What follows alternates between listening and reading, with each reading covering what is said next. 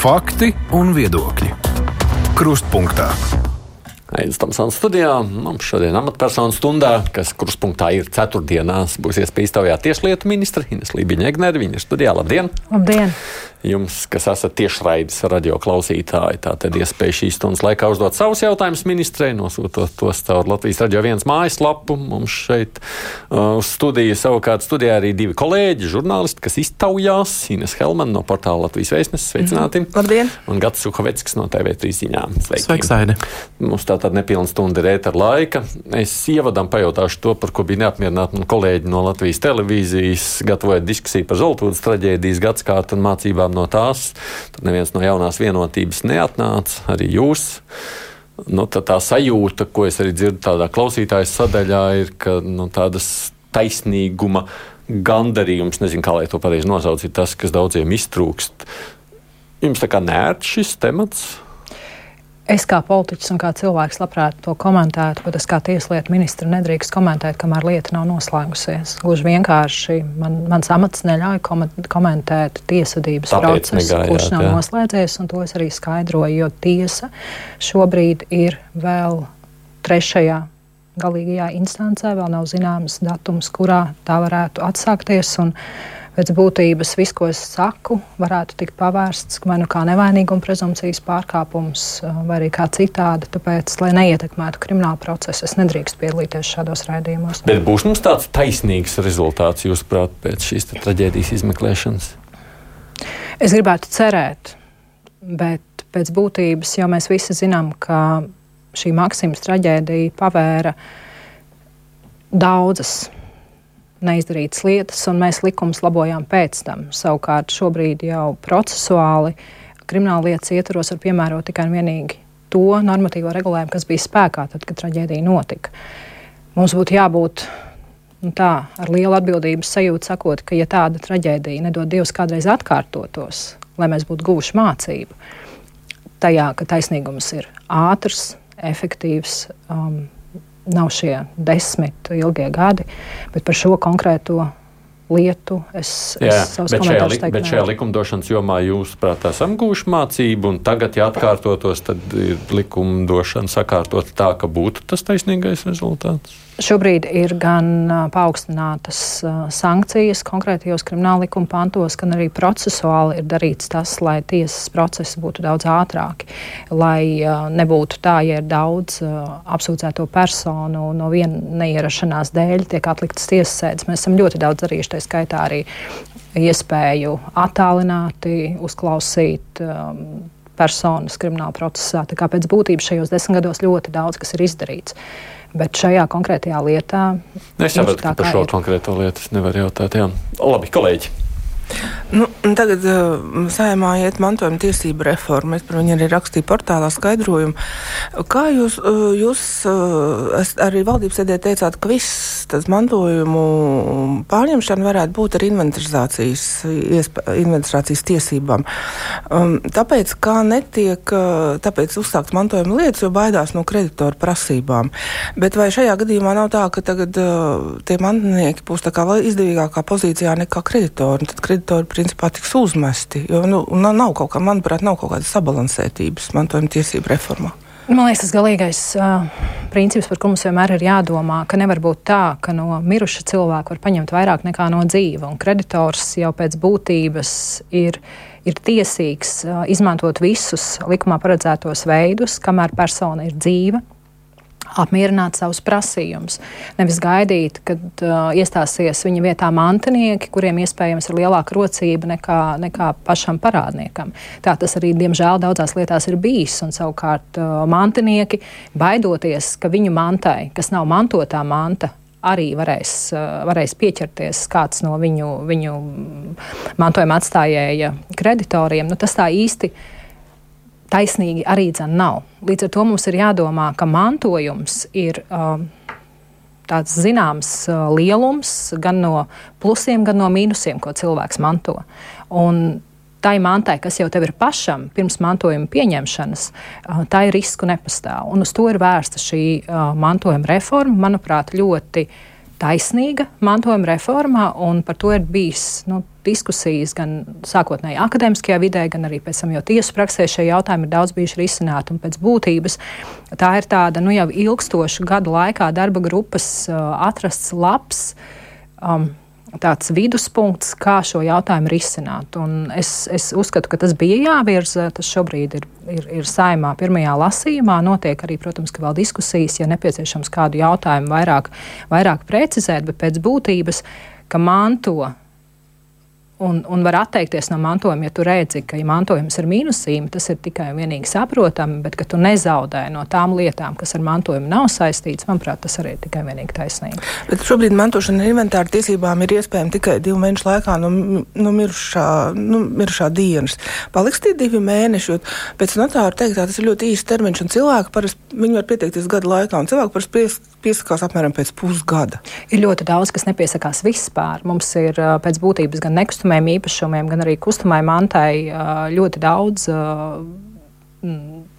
tiešām pašvaldībās īpašumu, kur, kur nav uh, mantojuma lietas vispār sakārtotas. Tā kā notāri jau ziņo par tām lietām, kas ir aktīvas, par tām, kurās cilvēki ir izteikuši savu vēlmu, un no tā mēs varam secināt, vai tas ir vai nav garš termiņš. Bet uh, par šiem termiņiem, protams, ka vēl var diskutēt. Likumprojekts iet pilnā trīs uh, lasījumu procedūrā, un, un, un uh, iesniedzot to saimā, protams, ka mēs ņēmām vērā visus, visus viedokļus un, un, un, un arī par, par termiņiem, bet, protams, es, es no savas puses tas nav politisks jautājums, lai termiņš būtu tāds vai citāds. Tam ir jābūt praktiskam, tādam, lai cilvēkiem gan būtu ērti, gan arī um, no tā neciestu, nedz, nedz, nedz tie, kuri um, pašvaldības, piemēram, kuri gaida nodokļu maksājums no šī īpašuma, lai zemes grāmatā būtu patiesa īpašumu um, īpašnieki.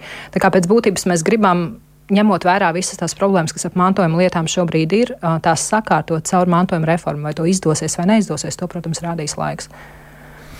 Nu, jā, vēl viens temats, ko es redzu, kas pilnīgi noteikti klausītāju vidū, man jau ir vēstules vismaz 3-4 par vienu to pašu tematu. Stāsts ir par Latvijas televīzijā demonstrēto filmu par Gunāru Astru. Un, nu, es varbūt divas vēstules, jo viņi pārklājās tie jautājumi būtībā diezgan līdzīgi no klausītājiem. Filmā par Gunāru Astru Kārlis raksta diezgan neglēmojoši izteicās augstākās tiesas tiesneša saistībā ar pieminekli Gunāram Astram. Tur bija pat komentārs, ka viņi negrib šādu pieminekli katru dienu skatīties. Vai tas, jūsuprāt, ir tiesneša cienīgs komentārs, zinot īpaši par ko cīnījās Astra, kā mūsu tautas sirdsapziņas spogulis? Nu, varbūt Rasms otrs tā vēstulīt, ko viņi saka tā. Šajā filmā arī atklājās, ka tiesas darbinieku izpratne par tiesnešu līdzdalību agrākā okupācijas režīma noziegumos līdzinās nulēji. Vai jums nešķiet, ka tiesu sistēmā ir nepieciešama kaut kāda desovietizācija? Ko tad plānojat šajā ziņā darīt? Es sadalītu šo jautājumu divās daļās. Um, šie jautājumi, otrā daļa par um, tiem tiesnešiem, kuri um, pēc būtības esot amatā padomju savienības um, tiesību sistēmā un spriežot tiesu šajā konjunktūrā. Um, tad, kad Latvija atguva neatkarību, um, toreiz um, netika lemts, kā varbūt citās valstīs, ka tiesu varai vajadzētu attīrīties no šādiem tiesnešiem, un tiesu varā um, būtu jāienāk jauniem tiesnešiem. Es nevaru atbildēt par šo lēmumu, jo es tajā brīdī vēl biju skolniece, bet manuprāt, tas bija tas brīdis, kur um, Latvijai ka demokrātiskai un tiesiskai valstī bija iespēja iet ceļu bez um, šīs iepriekšējās padomju konjunktūras, um, sadarbības ar okupācijas režīmu. Mēs arī redzam šobrīd Ukrainā, ka sadarbība ar okupācijas režīmu, nodevība visos varas līmeņos. Tā ir tāda cilvēcīga īpašība, kas ir, un, protams, ka 50 gadu okupācijas laikā uh, ir varbūt viegli šobrīd pārmest, bet cilvēcīgi tur, tur protams, arī ļoti daudz apstākļu, kāpēc cilvēki darīja tā, kā nedarīja, un, un, un, un ne man šobrīd to teikt. Bet, um, manuprāt, tā ir viena vēsturiska kļūda, kas tika pieļauta, un par to mums arī būtu vairāk jārunā. Kādēļ, atjaunojot valstisko neatkarību, mēs pēc būtības nenovilkām šo, šo, šo robežšķirtni? Runājot par izteikumiem par pieminekli, par, par piemiņu tiem cilvēkiem, kuri nebaidoties par to, ka viņi zaudēs visu, arī dzīvību, un viņu tuvinieki tiek apdraudēti, iestājās par Latvijas neatkarību un šobrīd kaut kādā ziņā zaimojot viņa piemiņu, man tas nav pieņemami ne cilvēciski, ne arī kā citādi. Un, manuprāt, par šiem izteikumiem iespējams būtu jālemj, vai tie ir vai nav atbilstoši ētikai, lai strādātu tiesu varā. Bet kurš tas arī to, nav kurš mans. To, kurš to var rosināt? To var rosināt pati tiesu vara. Padome? Um, tā skaitā. Tā skaitā. Bet um, es kā politiķe, protams, atbildu par tieslietu politiku valstī, bet tiesu vara nav padota tieslietu ministram. Bet jūs, aic, bet jūs aicināt nu, tagad viņus? Es nedomāju, ka man kā tieslietu, diskusiju. tieslietu nu, ministrei būtu kaut kādā ziņā jāaicina tiesneši. Es ticu, ka starp tiesnešiem, es zinu, ka starp tiesnešiem ir ļoti daudz godprātīgu nevis ļoti daudz, bet tiesneši ir godprātīgi Latvijas patrioti, kas spriež tiesu varu atbilstoši satversmei, un tostarp arī mūsu vēsturiskā piemiņa tiem cilvēkiem, kas nekad nenodeva sapni par Latvijas brīvību, viņiem ir svēta. Un es domāju, ka šo jautājumu, ko šī filma atklāja, pati tiesu vara var sakārtot. Es negribētu tagad norādīt, ko viņiem darīt, ko nedarīt. Tas ir tiešām ētikas un sirdsapziņas jautājums. Okay. Gati par partnerības regulējumu, kas ļaus pie notāra reģistrēt arī vienzimumu pāru attiecības, ja likums stāsies spēkā.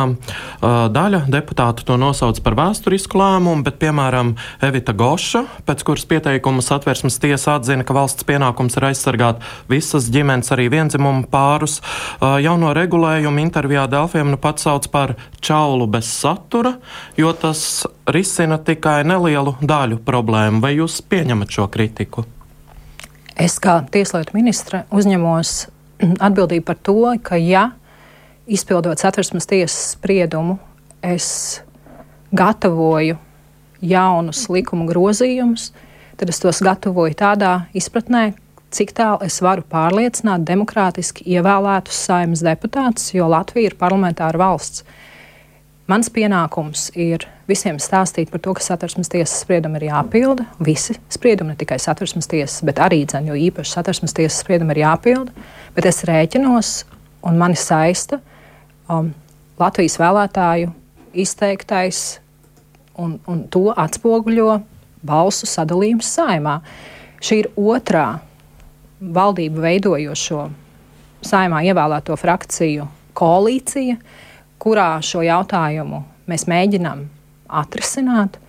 Un es esmu tiešām gandarīta, ka mēs esam atraduši veidu, kā šajā pakotnē atrisināt tos jautājumus, ko var atrisināt tikai vienīgi likumdošanas ceļā. Proti, attiecības starp um, cilvēkiem, kuri ir kopdzīvē, un likumprojekts nedala, vai tie ir vienzimuma vai abu dzimumu partneri. Viņiem ir jābūt valstī redzamiem, lai sociālajās tiesībās um, uh, un, un vēl virknē citu šo jautājumu, ko pakotne risina, viņi būtu redzami un viņi būs reģistrēti fizisko personu reģistrā.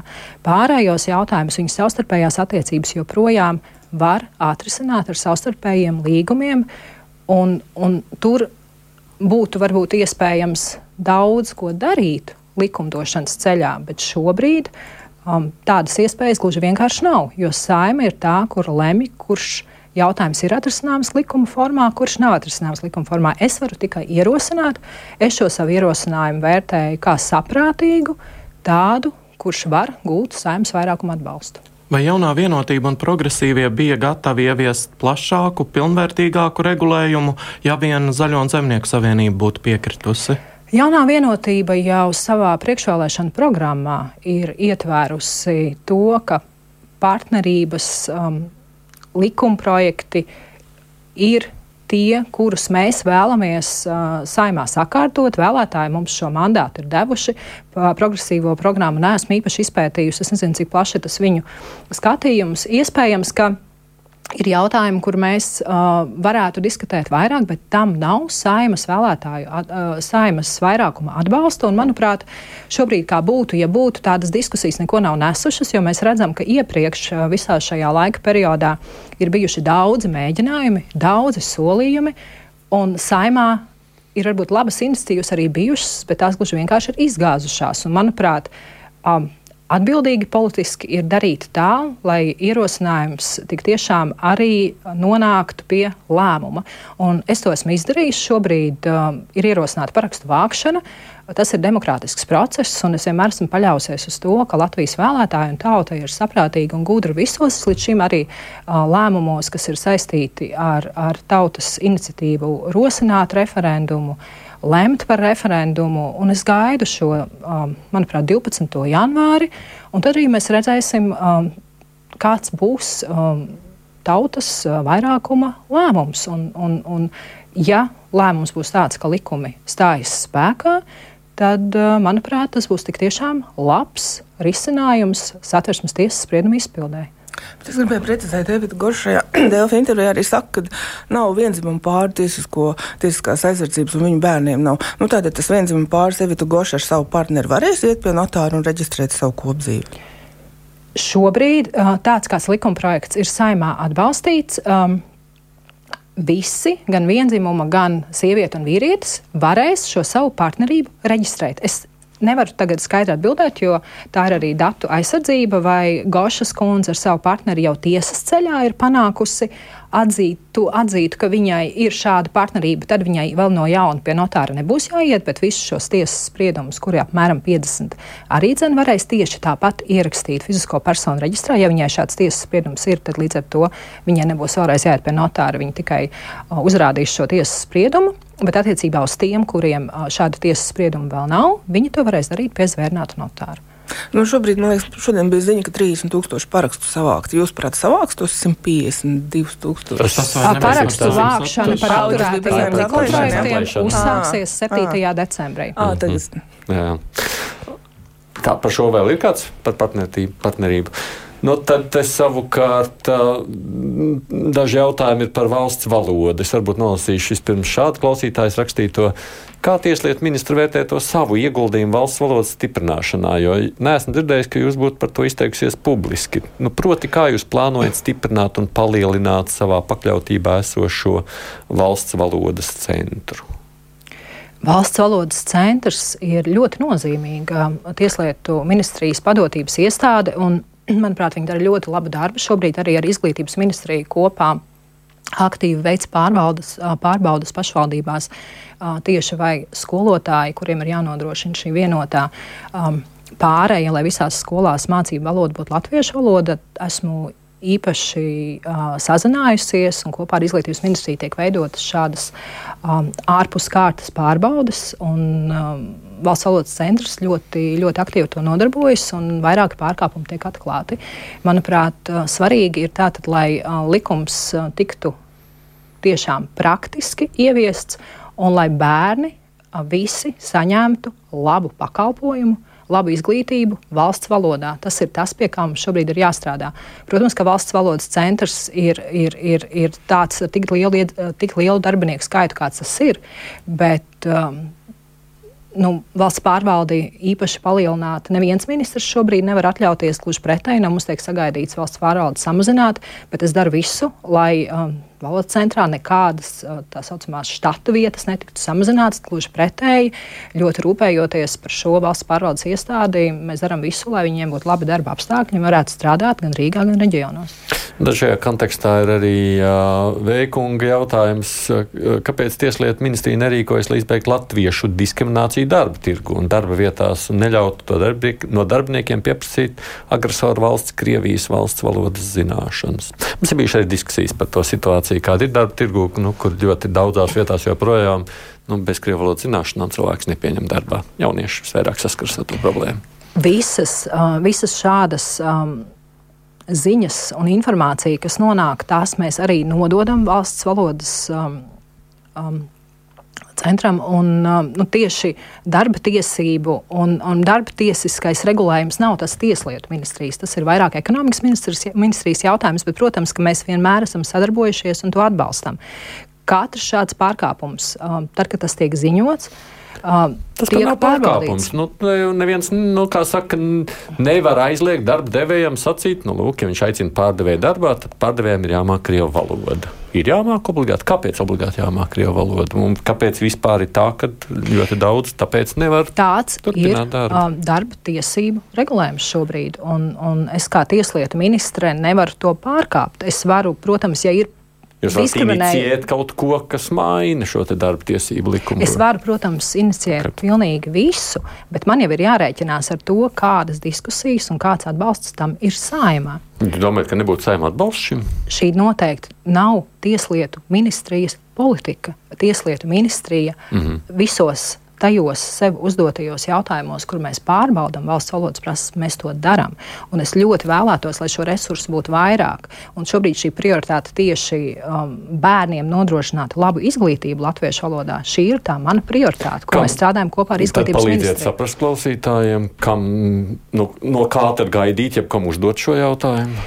Par darba tiesību politiku atbild ekonomikas ministrija. Ekonomikas ministrija. Tā tad gaidām šeit Valaiņu kungu, kolēģi.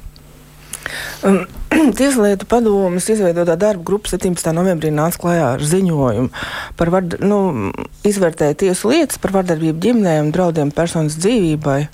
Un tur bija vesela, nu, tas ir arī saistībā ar Stambuls konvencijas ieviešanu, tur bija vairākas lietas, kas tā kā būtu jādara. Pirmkārt, tiesnešiem jādod papildu iespēju ielūkoties ties, uh, informatīvajā sistēmā. Tur bija arī, kad uh, tam vardarbīgam cilvēkam būtu arī jāveic kaut kāda prevencijas pasākuma, pēc tam būtu gala ziņojums, vispārējais. Sakiet, es saprotu, arī nav krīzes dzīvokļi katrā pašvaldībā, ja gadījumā nu, tā sieviete, kas cieši no vardarbības vai bērniem, kuru viņai būtu uzturēties. Jūsuprāt, kas būtu tie galvenie punkti, ar ko vajadzētu sākt? Nu, nu, tā, tā Stambuls konvencija jau reāli ir starptautisks dokuments, un viņš ir jāievieš neatkarībā no politiķu gribas. Ja? Un, ja tā Stambuls konvencija tiek ratificēta, tad ir kādi soļi, nu, piemēram, pirmie.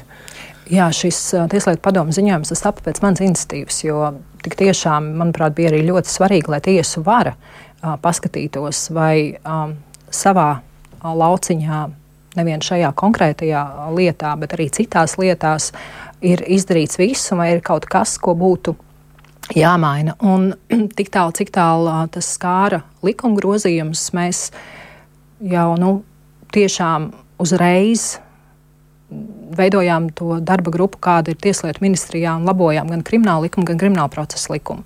Bet šis ziņojums pavēra ļoti daudz praktiskas lietas, kur, protams, ja šobrīd um, tiesu priekšsēdētāji ir tie, kur izlēma, kādā kādā ietvarā un kādā apmērā katram tiesnesim ir tiesības ielūkoties šajās uh, sistēmās, um, tad mums varbūt iespējams tas būtu jānoņem nost, ka to individuāli vērtē tiesu priekšsēdētāji un jāpiešķir varbūt plašāks pilnvars ties, tieši tiesnešiem. To es arī, protams, ka tiklīdz esmu saņēmusi ziņojumu, esmu lūgusi vērtēt tiesnam aģentūrai, kas uztur visu šo informāciju. Tāpat arī vēl citas mazas lietas, vēl kas ir izdarīts. Mēs, uh, es esmu iekļāvusi apmācībās gan vardarbības, gan naida noziegumus, kā īpašas apmācības tieši tiesnešiem. Jo tas, ko šis ziņojums parādīja, ka pēc būtības ļoti daudz tiek domāts par to, lai vēlāk iespējams apsūdzētā un notiesētā persona nevērstos Eiropas cilvēktiesību tiesā un kaut kādā ziņā nepārmestu, ka pārāk ilgi ir atradusies pirmstiesas apcietinājumā vai kā citādi, tiek domāts par to apmācību, kādu tiesneši ir saņēmuši iepriekš, jo ņemot vērā, ka mums bija ļoti daudz šādi šādi pārkāpumi konstatēti Eiropas cilvēktiesību tiesā iepriekšējā laika periodā, un tiesneši ļoti daudz domā par to, piemērojot apcietinājumu. Mazāk varbūt domājot par to, ka no šīs vardarbības cietušā persona un viņas mazie bērni um, ar katru šādu dienu, kamēr varmāk atrodas brīvībā, brīvībā pēc būtības, nevar uh, pat. Um, aizstāvēt savas tiesības. Un, un, un līdz ar to ir daudzi tādi pieturas punkti, kur mums ir jāpadomā daudz vairāk, ko vēl mēs varam darīt. Tāpēc arī nākamnedēļ, ceturtdien, Uh, ir uh, noziedzības novēršanas padome uh, tieši tematiski par vardarbības novēršanu, kur visi šie ziņojumi, gan iekšlietu ministrijas, gan labklājības ministrijas, gan šis tieslietu padomu ziņojums, viņi visi tiek likti kopā, un mēs nevis tā kā dzīvojam katrs ar savu ziņojumu, bet saliekam konkrētu valsts plānu, lai saskartos visas šīs politikas, gan krīžu dzīvokļi, arī pēc Jēkabpils traģēdijas jau šobrīd ir daudz lielāks atbalsts pašvaldībās tieši šiem krīžu dzīvokļiem. Tas arī ir jau ir izcināts. Tā kā lai nebūtu tā, ka mums ir dažādas fotogrāfijas, dažādos lauciņos, bet lai mēs redzam vienu plānu. Un, un ja mēs ratificēsim, un es ticu, ka mēs ratificēsim Stambulas konvenciju, um, tad arī Mums šis plāns jau būs, jo pēc būtības mēs uzliekam ļoti augstu standartu, kurai arī ir iespējama starptautiskās organizācijas pārbaude, lai mēs arī paši sev kā atskaites punktu to liekam, ka jā, mēs to gribam izdarīt. Protams, ka tas prasīs budžeta līdzekļus, jo tieši šī sociālā palīdzība ir. Um, dārga, uh, rehabilitācija ir dārga, bet mums tas gluži vienkārši ir jā, jāizdara, jo uh, šie latentie varmācības gadījumi ir ļoti, ļoti daudz, un es ticu, līdzīgi kā citās valstīs, kur ir ratificējuši konvenciju, kur mēs redzam, ka tā statistika uzreiz parādās kā tāda, kur ir augstāki vardarbības um, um, gadījumu skaits. Um, Tā noteikti arī Latvijā tāda būs, jo cilvēki gluži vienkārši nebaidī, vairāk ziņos. Mēs vairāk par to zināsim. Šobrīd statistika varbūt ir salīdzinoši zema, nevis tāpēc, ka mums ir ļoti labi rādītāji, bet tāpēc, ka cilvēki netic, ka viņiem var palīdzēt. Nu, šodien nevalstiskā organizācija Marta izsūtīja preses relīzi. Nu, viņa kādreiz centrālās statistikas pārvaldes datus citēja, ka katra trešā Latvijas sieviete attiecībās ir piedzīvojusi psiholoģisku, fizisku vai seksuālu vardarbību vai arī vairāk vardarbību formu kombināciju, kā arī Latvija ir augstākais rādītājs Eiropas Savienībā sievietēm, kuras ir tīši noslapkojas partneris vai radinieks. Tā kā tā statistika, manuprāt, Jā, bet tā ir statistika, labā. kas neatspoguļojas uh, tieši iesniegumos tiesībā aizsardzības iestādēs. Tā ir statistika, kur cilvēki atklāti aptaujās saka, kā viņas ir jutušās, bet tam būtu visām jābūt uh, pamatotām jau, lai mēs zinātu, uh, kas ir šīs varmākas, un lai arī varmākas tiktu atbilstoši likumam sodītas. Par to jau ir šis stāsts. Ne jau ka sievietes tikai gluži vienkārši anonīmi statistikai iesniedz šos datus, bet lai valsts arī varētu viņām palīdzēt. Mm. Nu, ne tikai ģimenē, bet arī skolās. Tagad ir vardarbība. Valsts prezidents ir iesniedzis likumdošanas institīvu par drošu vidi skolā. Jūsuprāt, tā, tā, tā ir nopietna problēma, to vajadzētu risināt? Protams, ka um, visās uh, sabiedrības jomās mēs redzam, ka vardarbības riski šobrīd ir paaugstināti, un tie noteikti um, speciālisti arī teiktu, ir saistīti ar dažādām ir saistīta ar dažādiem iemesliem. Un, un skolās um, gan skolotāji, gan arī vecāki, protams, um, ir novērojuši, ka, ka ir pusauģu vardarbība, arī jaunāka persona vardarbība. Un uh, šis konkrētais likumprojekts šobrīd ir saimā un tiek vērtēts nu, no dažādiem viedokļiem. Protams, ka vienmēr ir jādomā, kā aizsargāt bērnu privāto dzīvi, bet es domāju, nu, no tāda abstrahējoties no konkrētā gadījuma, ejot arēnā Rīga, visi tiek pārmeklēti. Vai ne? Bet neviens par to neiebilst, jo katrs grib skatīties vai nu hokeja spēli vai koncertu. Bet līdzīgam drošības līmenim būtu jābūt skolā. Un es domāju, ka ir jāatrod veids, kā cieņpilni uh, panākt to, ka skolā netiek ienesti bīstami priekšmeti, un lai skolas vide būtu droša. Es tikai atgādināšu klausītājiem, šeit ir tieslietu ministra Ines Lībiņa Egnere un arī žurnālisti Gats Sukaveckas TV3 ziņas Ines Helman no portāla Latvijas vēstneses. Raidījums Krustpunktā.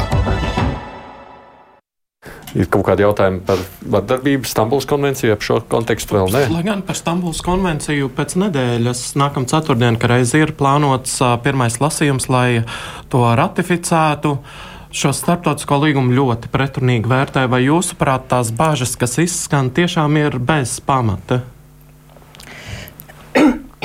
Es esmu juriste, un, un, un es tiešām raugos uz šīm emocijām, kuras um, politiķi savās um, kaismīgajās uzrunās mēģina um, parādīt, kā tādas šausmu pilnas ainas pēc būtības neatbilst nec konvencijas tekstam, nec arī tam, ko satversmes tiesa ir konkrēti vērtējusi par uh, satversmei atbilstošu starptautisko nolīgumu konvenciju pret vardarbību ģimenēm, pret sievietēm. Un šie stāsti um, bieži vien vispār nav saistīti ar konkrētās konvencijas tekstu. Līdz ar to es, es, um, es saprotu, kāpēc varbūt ir domas šķelt sabiedrību šajā jautājumā, jo to ir viegli izdarīt, jo šīs sēklas ir sasētas. Bet, um, Bet, manuprāt, Šī konvencija ir ļoti laba, un to arī parāda tās valsts, kurā tā, ir, tā ir spēkā un kurā tā darbojas, un kurā tik tiešām sievietes nebaidās iet, tā skaitā uz policiju un ziņot par vardarbību. Un tas ir tas, kas mums ir jāpanāk kā tiesiskā demokrātiskā valstī. Nu, tas, ko vienmēr saka, mēs jau tā varam izdarīt arī bez konvencijas. Kāpēc mums vajag konvenciju izdarīt tā, lai arī šeit Latvijā nav jābaidās bez konvencijas? Konvencija ir labs instruments, tāpat kā mēs daudz ko varam izdarīt bez likuma, bet ar likumu ir vieglāk. Jā, droši. Es gribēju te vēl skatoties no klausītāja jautājumiem. Es, Anna, piemēram, raksta šādi, kā tad virzās izmeklēšana par jūsu priekšgājēju Rasnečas safabricēto pētījumu pret Stambulas konvenciju. Jums ir uh, izmeklēšana šajā ziņā notiek? Nē, es nezinu, par kādu izmeklēšanu runa. Tas ir mazliet provocējošs jautājums, bet es saprotu, ka no mājaslapas savukārt tas uh, Rudevskas kundzes uh, pētījums, jā, es saprotu, mazliet kaklā iegāja, droši iedzeriet. Palūkšu kolēģiem varētu palūgt ūdeni vēl atnest šobrīd. Ja vēl varat runāt, kamēr kolēģi atnesīs šobrīd ūdeni, atnesīs, atnesīs kolēģi to. Um, mājaslapā es, es atklāt sakot, neesmu pārliecinājusies, vai tur ir bijis vai nav bijis pētījums. Nu, tieslietu ministrijas mājaslapa ir, ir, ir ne jau tā, kuru tieslietu ministrs veido un, un liek iekšā lietas. Es neesmu ne šo pētījumu tur ievietojis, ne izņēmusi. Es pieļauju, ka šis pētījums iespējams ir atrodams kādā bibliotēkā vai pašai Rudevskas kundzei var palūgt viņu izprintēt vēlreiz. Nu, Mm. Nu, nezinu, manuprāt, tad tiek tiešām ažiotāža veidot tur, kur tās nav. Tur, kur tās nav. Bet vai nav tā, ka, piemēram, tā starta, ieviešot uz Stambuls konvenciju, cik es lasīju, tad tāda starptautiska organizācija kontrolēs, vai tad, nu, viss tiek darīts tā kā nāks, tā kā tajā Stambuls konvencijā paredzēts. Tas nebūs atkarīgs no tā, kā tur saimnes deputāts grib vai negrib nobalsot. Man liekas, tur ir tā galvenā lieta. Nu, mums jau no tiem ir... citiem kontrolētājiem visvairāk ir bail. Nē, nu jā, nu, ka būs jāievēro tās prasības un, un jāveic virkni to pasākumu, kas tur ir ir paredzēts. Mm -hmm. Nevis vienkārši gribu, negribu. Ja? Nu. Bet, uh, jebkurā gadījumā, saimā šobrīd tas atrodas, un tas nav pašlaik arī Tieslietu ministrijas jautājums. Gati. Vēl viena jūsu iniciatīva ir uh, Krievijā reģistrēto automašīnu izskaušana līdz uh, 14. februārim. Vai tas nozīmē, ka jāizvēd vai jāpārreģistrē, lai netiktu konfiscētas visas šādas mašīnas, arī tās, kuras ievestas pirms Eiropas komisija atzina, ka arī šādi transporta līdzekļi ir uh, pakļauti sankcijām?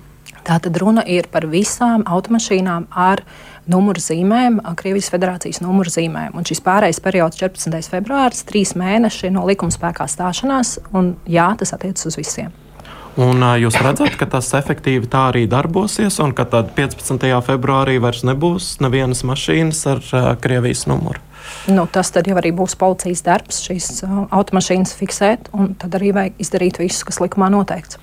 Bet šajā kontekstā Juris jautā savukārt, kāpēc esat iestrādājis likumā caurumu, lai Baltkrievijā šādi pārreģistrēti Krievijas auto varētu uzturēties Latvijā, jo šobrīd tie grozījumi nosaka, ka var tikai ar Krievijas federācijā reģistrētiem transporta līdzekļiem, bet ar agresoru valsti, kas Baltkrievija arī tāda ir, ar tur reģistrētiem transporta līdzekļiem, tad, drīkstēs piedalīties satiksmē. Es varu teikt atklāti, ka uzreiz man iniciatīva bija par abām valstīm.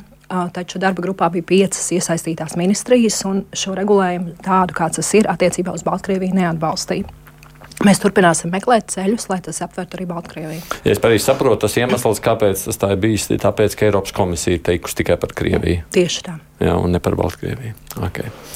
Labi, kolēģi. Um, šobrīd saimā tiek izskatīti arī valsts prezidenta iesniegtie grozījumi krimināla likumā par bargākiem sodiem par noziegumiem pret valsti. Vai jūs redzat, ka tas atturēs no, no tāda naida runām? Un... Visus, protams, ka tas neaturēs, jo mēs redzam, ka krimināla likums ir spēkā un tiek izdarītas slepkavības un izvarošanas un smagi noziegumi. Bet ir jābūt adekvāti notiesājošam spriedumam bargu sankciju un sodu tajos gadījumos, kad tiek konstatēts, ka likums ir pārkāpts. Un mēs šobrīd trešajā lasījumā um, nonākam jau šajā konkrētajā likumprojektā. Mēs kā Tieslietu ministrija esam arī snieguši papildinājumus otrajā lasījumā, tā lai šis likums būtu pēc iespējas atbilstošāks tam, kā arī valsts prezidents to ir, to ir definējis. Un, uh, Tur nebūs vairs iespēja piespiest nekādus, piespiest kādus alternatīvos sodus vai sabiedriskos darbus, bet tik tiešām būs gan lielākas brīvības atņemšanas sankcijas, gan arī pēc būtības par šiem noziedzīgiem nodarījumiem vienmēr būs brīvības atņemšanas sankcija. Mm. Nē, bet vēl pēc valsts drošības dienesta informācijas diezgan daudz. Tagad ir tādi uzsākti krimināli procesi šajā sakarā. Bet tas arī prasa šīs apmācības tiesību aizsardzības iestādēm. Es jau teicu, ka tieši tiesnešiem apmācības esmu arī ietvērusi šajā apmācību plānā. Jo viens ir to nosapņot likumā, bet otrs arī šī izpratne ir jāveicina, lai, lai apzinātos, ko nozīmē hibrīda kara apstākļi, lai šajā konkrētajā lietā tik tiešām ar pilnu atbildību redzētu šo plašo ainu. Tas ir ļoti, ļoti svarīgi. Kad prezidents ar jums tikās, viņš runāja par nepieciešamību veikt izmaiņas sodu politikā, vai runa ir arī par kādiem citiem noziegumiem, kur sodi būtu jāpadara bargāki vai iespējams arī maigāki? Mēs pēc būtības ar prezidentu kungu esam runājuši gan par šiem valsts drošības apdraudējumiem, gan par naidu noziegumiem, gan par varmācības noziedzīgiem nodarījumiem arī dzēn. Virkni no tiem uh, jau ir uh, pilnveidoti. Tas aptvēra arī uh, šo robežu šķēršošanas um, um, situāciju. Tur 20. oktobrī jau stājās spēkā krimināla likuma grozījumi. Um, bet mums vēl ir, mums vēl ir ieplānoti um, jauni priekšlikumi. Darba grupa ir, ir izstrādājusi vairākus priekšlikumus attiecībā uz varmācīgiem, noziedzīgiem nodarījumiem. Um, Un, un, un, un uh, tur vēl būs jaunas iniciatīvas, kuras mēs virzīsim tuvākajā laikā. Bet pēc būtības um, tas, ko valsts prezidents ir paudis, um, tas pilnībā saskana ar to redzējumu, kā Tieslietu ministrijas darba grupa to vēlas uh, pārskatīt. Jo, jo krimināla likums ir, ir, protams, kaut kādā ziņā arī tās sabiedrības spogulis. Tāpēc ir nepieciešams šādas krimināla tiesības soda reformas tajos brīžos, kad pēc būtības ap, ārkārtēji apstākļi mums to liek darīt. Un šobrīd uh, valsts drošības jautājumi un uh, naida noziegumi un uh, arī šī um, varmācīgā noziegumu joma. Tie ir tie jautājumi, kuri pēc būtības ilgākā laika periodā netika pārskatīti, un tāpēc mēs to šobrīd arī pārskatām pilnībā visos noziedzīgos nodarījumos, kas krimināla likumā ir minēti. Kas tieši plānots saistībā ar sodu politiku uz varmācīgi noziedzīgiem nodarījumiem? Es um, varu teikt, ka tā tad um, viens būs, um, ka tiek tātad noņemti šie alternatīvie sodi, sabiedriskais darbs un um, naudas sodi pie visiem vardarbīgiem, noziedzīgiem nodarījumiem. Vēl mēs domājam par jaunu pantu, cietsirdību un vardarbību pret tuvinieku, kā atsevišķu sastāvu. Tad pēc būtības vēl būtu arī jauns priekšlikums tieši par diskriminācijas aizliegumu pārkāpšanu, apkalcējošā pazīme vardarbība draudi. Sociālā naida un nesaticības izraisīšana, arī tur kvalificējošā pazīme spīdzināšana, attiecīgi paredzot par to bargākas sankcijas. Tad tiešām speciālisti ir jau daudz strādājuši, mums ir izstrādātas šīs redakcijas. Šobrīd tās ir tādā noslīpēšanas fāzē, un tiklīdz tās būs gatavas, es tās arī virzīšu tālāk. Digitālajā vidē pārkāpumi, emocionālai naida. Um, Pārkāpumi tad ne tikai faktiskajā vidē, bet arī digitālajā vidē tie šobrīd netiek aptverti. Par tiem mēs arī domājam. Par citiem tematiem runājot, Mārtiņš savukārt jautā, kāda ir tā situācija saistībā ar iekšējo dienestu izmeklēšanu pēc divu ieslodzīto izmakšanām no centrāla cietuma. Tur policists stingrajām rokām pārāšanas laikā kaut kā par šīm lietām viss ir noklusis. No centrāla cietuma izbēga viens nu jā. notiesātais, otrs izbēga no policijas ekipāžas. Par to es varētu mazāk komentēt. Bet centrāla cietumā tā tad ir ierosināts vairākas pārbaudas, un šobrīd ir ierosināts 16 disciplināra lietas. Tā skaitā arī pret centrāla cietuma vadību, jo mēs redzam, ka uh, ir bijuši pārkāpumi. Un, uh, tiklīdz noslēgsies arī šīs uh, disciplināra lietas, tad arī varēšu ziņot vairāk. Šobrīd esmu publiski nākus ar paziņojumu, ka šādas disciplināra lietas 16 ir ierosinātas. Uh, vēl arī viena lieta, ko mēs šobrīd testējam, ko mēs sapratām, kas ir nepieciešams, uh, ka mums ir vajadzīgas tā dēvētās ķermeņa kameras, lai tie darbinieki, kuri strādā ieslodzījuma vietās, um, pēc būtības um, būtu arī pārbaudāmi, ka viņi visus savus pienākumus ir veikuši, kā viņi ir veikuši. Jo šobrīd, rekonstruējot konkrēto situāciju, protams, ir ļoti grūti no dažādiem apstākļiem to salikt kopā. Visās citās valstīs, kur ir šādas ķermeņa kameras, mēs redzam, ka tas ļoti palīdz. Tas nozīmē, ka mēs pie tām arī jebko, ko darītu, ja tajā brīdī tie, kas ir nu, pilni savas dienas pienākumus, būtībā viņi visu būtu jārēķinās, ka viss viņu darbs tiek ierakstīts. Tieši tā mēs pie tā šobrīd strādājam, lai tādas, lai tādas ieviestu. kas arī varētu mazināt iespējamos aizdomas mūžīgi par korupciju un sarunāšanu un tādām lietām. Um, protams, es novērstu ļoti daudz iespējamus pārkāpumus, bet šajā konkrētajā bēgšanas gadījumā, um, tajā pār, pārbaudē, ko mēs esam veikuši, nav konstatēti nekādi šādi pārkāpumi. Mm -hmm. Te tiešām ir pārkāpums, ka fiziski persona netika pietiekami uzraudzīta. Mm -hmm. okay. Jā. Es par Krieviju vēl gribēju paturpināt. Tagad publiski mazāk dzirdams par to, ka Krievijai iesaldēto naudu būtu jākonfiscē un jānodod Ukraiņas rīcībā.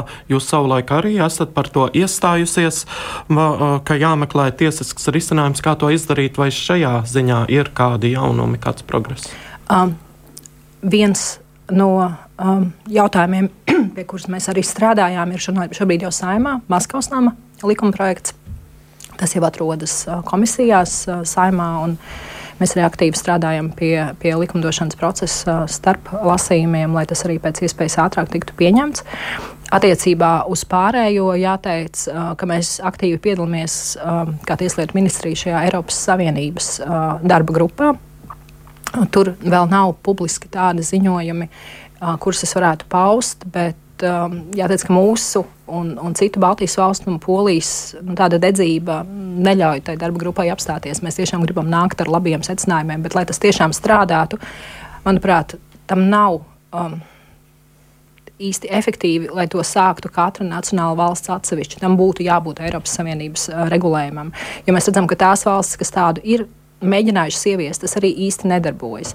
Um, tiek minēta Kanāda, kurai ir regulējums, bet tas arī īsti praktiski nedarbojas. Un, un, un mēs gribam panākt tādu labu Eiropas uh, regulējumu. Bet Maskavas, nams, Maskavas nama likumprojekts, manuprāt, ir ļoti būtisks. Un es gaidu, ka tas arī nonāks saimā pirmajā lasījumā, un attiecīgi arī pārējos.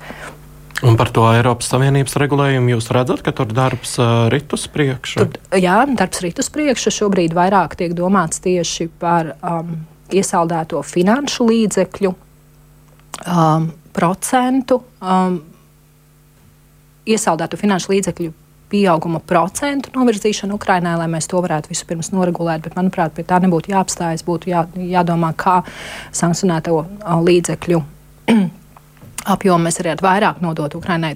Bet ir vairākas valstis, kuras iebilst. Mums gluži vienkārši ir daudz jāstrādā, lai mums būtu vienota izpratne. Jo Eiropas Savienībā mēs lēmumus varam pieņemt tikai vienīgi, ja mēs vienoti varam par to vienoties. Tā par cietumiem vēl savukārt klausītāji jautā, kā tu mums ir runājot par cietuma aizpildījumu. Mums vispār ir vēl brīvas vietas cietumā. Ieslodzījuma vietas um, Latvijā šobrīd ir, ir, ir aizpildītas. Um, nepilnībā šobrīd gan um, um, izciešot brīvības atņemšanas sodu, gan apcietinājumā kopā atrodas ap 3200 personu. Ir daudz, ja tā varētu teikt, vietu. vietu ieslodzījuma vietās. Šobrīd tiek būvēts pirmais tāds visām prasībām atbilstošais cietums Liepājā ar 1200 vietām. Tā kā pēc būtības par to gan uztraukties nevajadzētu, es vairāk uztraucos par to, lai šī nu, pēc būtības novecojusī cietuma infrastruktūra tiktu atjaunota. Mums Valmierā ir jauns korpus, kur drīzumā nodos eksploatācijā kas atbildīs uh, visiem nepieciešamiem standartiem, bet ir ļoti daudz ieslodzījumu vietas, kuras tam neatbilst. Un, un, un, un tad mums kādā brīdī būs jāpārskata, tad, kad jaunais cietums būs uh, pilnībā nodots eksploatācijā, būs jāpārskata, kurus mēs varbūt varētu slēgt. No, nu, tā jautā par Daugopilu, mēs zinām, presē parādījās. Mēs vēl neesam šobrīd tādu lēmumu pieņēmuši, jo pēc būtības um, tas skar gan ieslodzīto pārvešanu, gan darbiniekus. Um, mums, protams, ka vispirms ir arī jānokomplektē pilnībā liepais cietuma nepieciešamais darbinieku skaits. Tas ir tāds apjomīgs darbs, kas mums priekšā. Bet tādā dziļākā, ja tālākā nākotnē lūkoties, jūs, prāt, būs jābeidz tam, būs jādomā par vēl kādu cietumu būvniecību? Protams, bet arī būvēt cietumus, saprotu, ka ir ļoti dārgi. Un, un, un šis liepais cietums um, tapa ļoti ilgās politiskās diskusijās, līdz mēs nonācām līdz būvniecībai. Es pieļauju, ka tāds arī varētu būt par nākamo cietumu, tāpēc es nevēlētos šobrīd to tēmu cilāt, kamēr liepais cietums nav uzbūvēts. Mm -hmm. Jautājumi? 21. gada 31. martā sāk strādāt ekonomisko lietu tiesa. Sa Saimnes komisijā, cik es esmu bijusi, ir novērtēta ļoti labs tas darbs, un arī tieslietu ministrijas plānos bija, ka papildus dos dažādi veidi lietas civilties, civiltiesībās un krimināla tiesībās. Bet es šobrīd saprotu, ka vēl nav paplašināts tās tiesas darbības joma. Ja? Mēs darba grupā daudz runājam un, un domājam par to, kādas vēl kompetences varētu piešķirt, jo Problēma bija tajā, ka ilgāku laiku nestrādāja pilnā sastāvā, desmit tiesneši, bet deviņu tiesnešu sastāvā šobrīd ir pilnībā noklāpta tiesa. Mēs redzam, ka jāredz, nu, cik liela tā kapacitāte vēl ir viņai piešķirt jaunas kompetences lietas. Um, tāpat es arī domāju, ka šai tiesai būs nepieciešams jauns telpas, jo gluži vienkārši, ja mēs paplašinām tiesu, tad būs nepieciešama jauna tiesas sastāva un esošajās telpās tas nav iespējams. Bet, tiešām šie atzinīgie vārdi arī no ārvalstu investoru padomas mums, mums liek domāt par to, ka mums būtu jāpaplašina šī kompetence, jo šis, šis, šis um, specializētās tiesas ceļš ir tiešām sevi attaisnojis. Tas politiski arī nebija viegls lēmums. Iepriekšējā saimnes sasaukumā mēs daudz par to diskutējām, bet tas ir sevi attaisnojis un, un protams, ir arī pār pārmetumi tiesai, kas arī ir normāli, un, un tā ir tikai pirmās instances tiesa. Visi šie spriedumi vēlāk tiek pārskatīti arī augstākā instancē. Bet, manuprāt, mums jāstrādā vairāk pie tā, lai mēs varētu to kompetenci paplašināt. Un es noteikti to gribētu, tiklīdz būs iespēja, ka es redzēšu, ka tiesneši to tiešām spēj, lai lietas neuzkrātos. Nu, vienkārši naudas atmazgāšanas lietas, tā kā ies nu, pakāpeniski mazumā, nu, no tādas cerībā. Mēs viedokļa. ceram par to, ka tās varētu iet mazumā. Mm. Jā.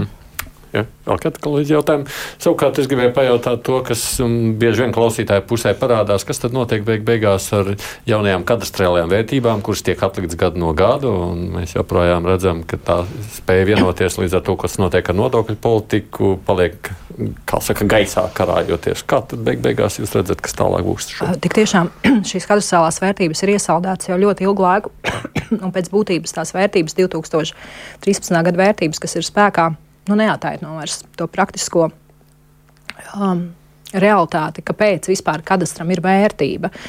Un tāpēc um, mēs esam daudz par to diskutējuši. Šobrīd vienojušies gan ar Finanšu ministriju, gan arī ar pašvaldību savienību, ka pēc būtības kadastrālām vērtībām ir jābūt reālām. Jo tas atvieglotu ļoti daudz um, jautājumu, jo kadastrālās vērtības tiek izmantotas 16 dažādās pozīcijās, un nekustamā īpašuma nodoklis ir tikai viena no tām. Bet problēma ir ar nekustamā īpašuma nodokli, jo mēs labi apzināmies, ka cilvēki nespēj šobrīd samaksāt daudz lielāku nekustamā īpašuma nodokļu maksājumu. Mēs arī redzam, ka daudzas pašvaldības pēc būtības jau tagad dod lielas atlaides, jo viņi uzskata, ka viņu iedzīvotāji to nevarēs samaksāt.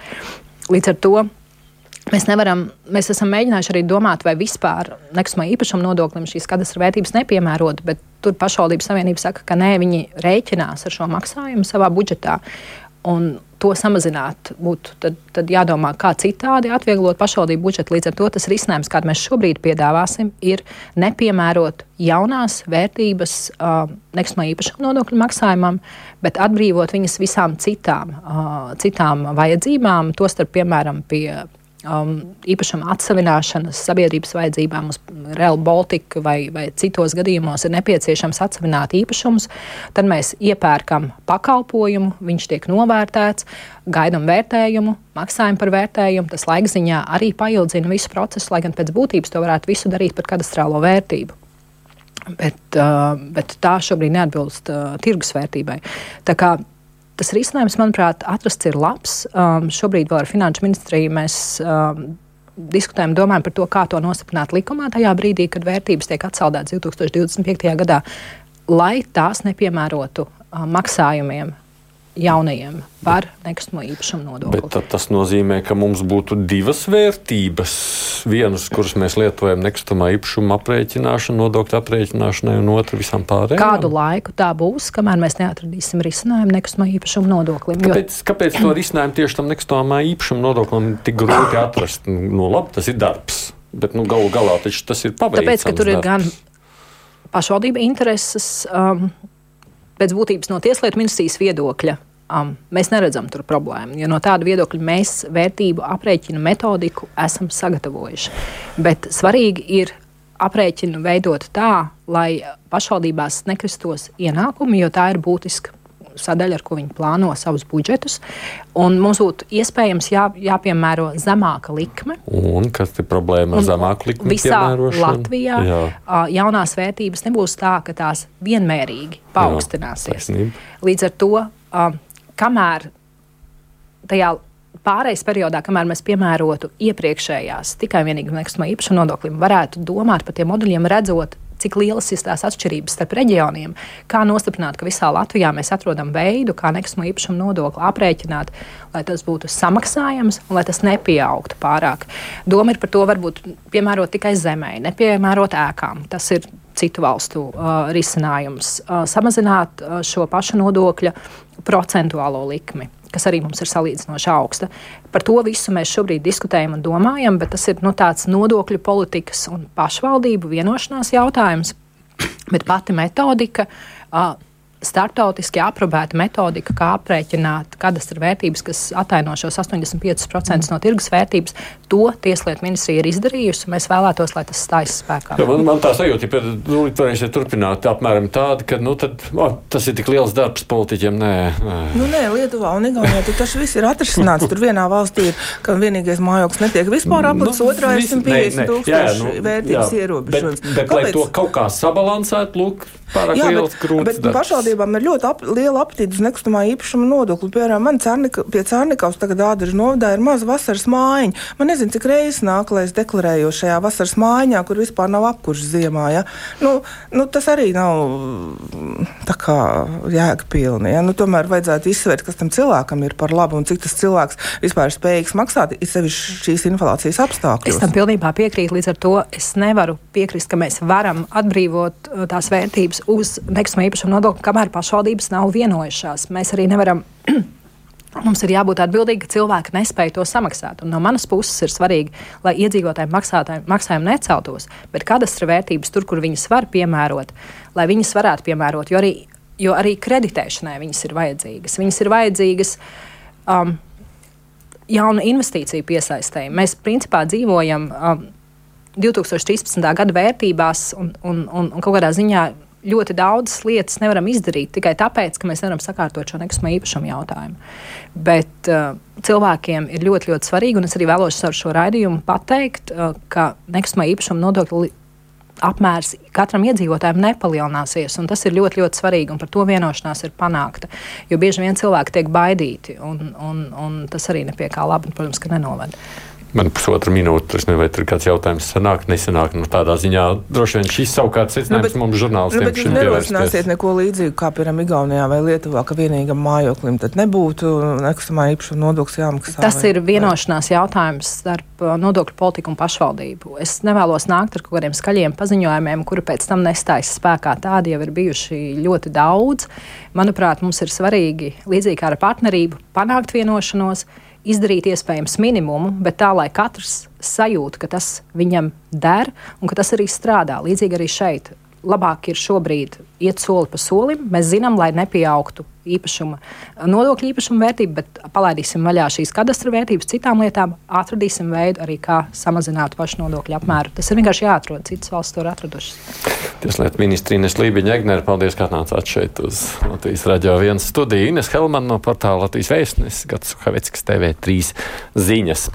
Uh, nu, kā jau parasti piekdienās rīt atkal nedēļas aktualitātes vērtēs žurnālistis, jau tā kā vēl lūkojos, kas būtu tās interesantākās un svarīgākās ziņas, ko vajadzētu rīt pārunāt, ja ir kāda ideja padalieties ar mums. To es saku klausītājiem. Droši vien gan premjeras sacītais, ka viņš, ekspremjeras sacītais, ka viņš būtu gatavs kandidēt NATO ģenerāla sektāra amatam. Droši vien to, kas notiek arī saimā ar pašvaldību deputātu lemšanu, tur jautājumu. Mēs redzam jaunā vienotība vienu saimas frakcijas deputāti pazaudējusi. Nu, šādi tādi temati, kurus es varu pieminēt rītdienas sarunā. Bet šodien raidījums līdz ar to izskan. Producents bija Ieva Zēza un studijā sarunu vadīju es Aidis Tomsons.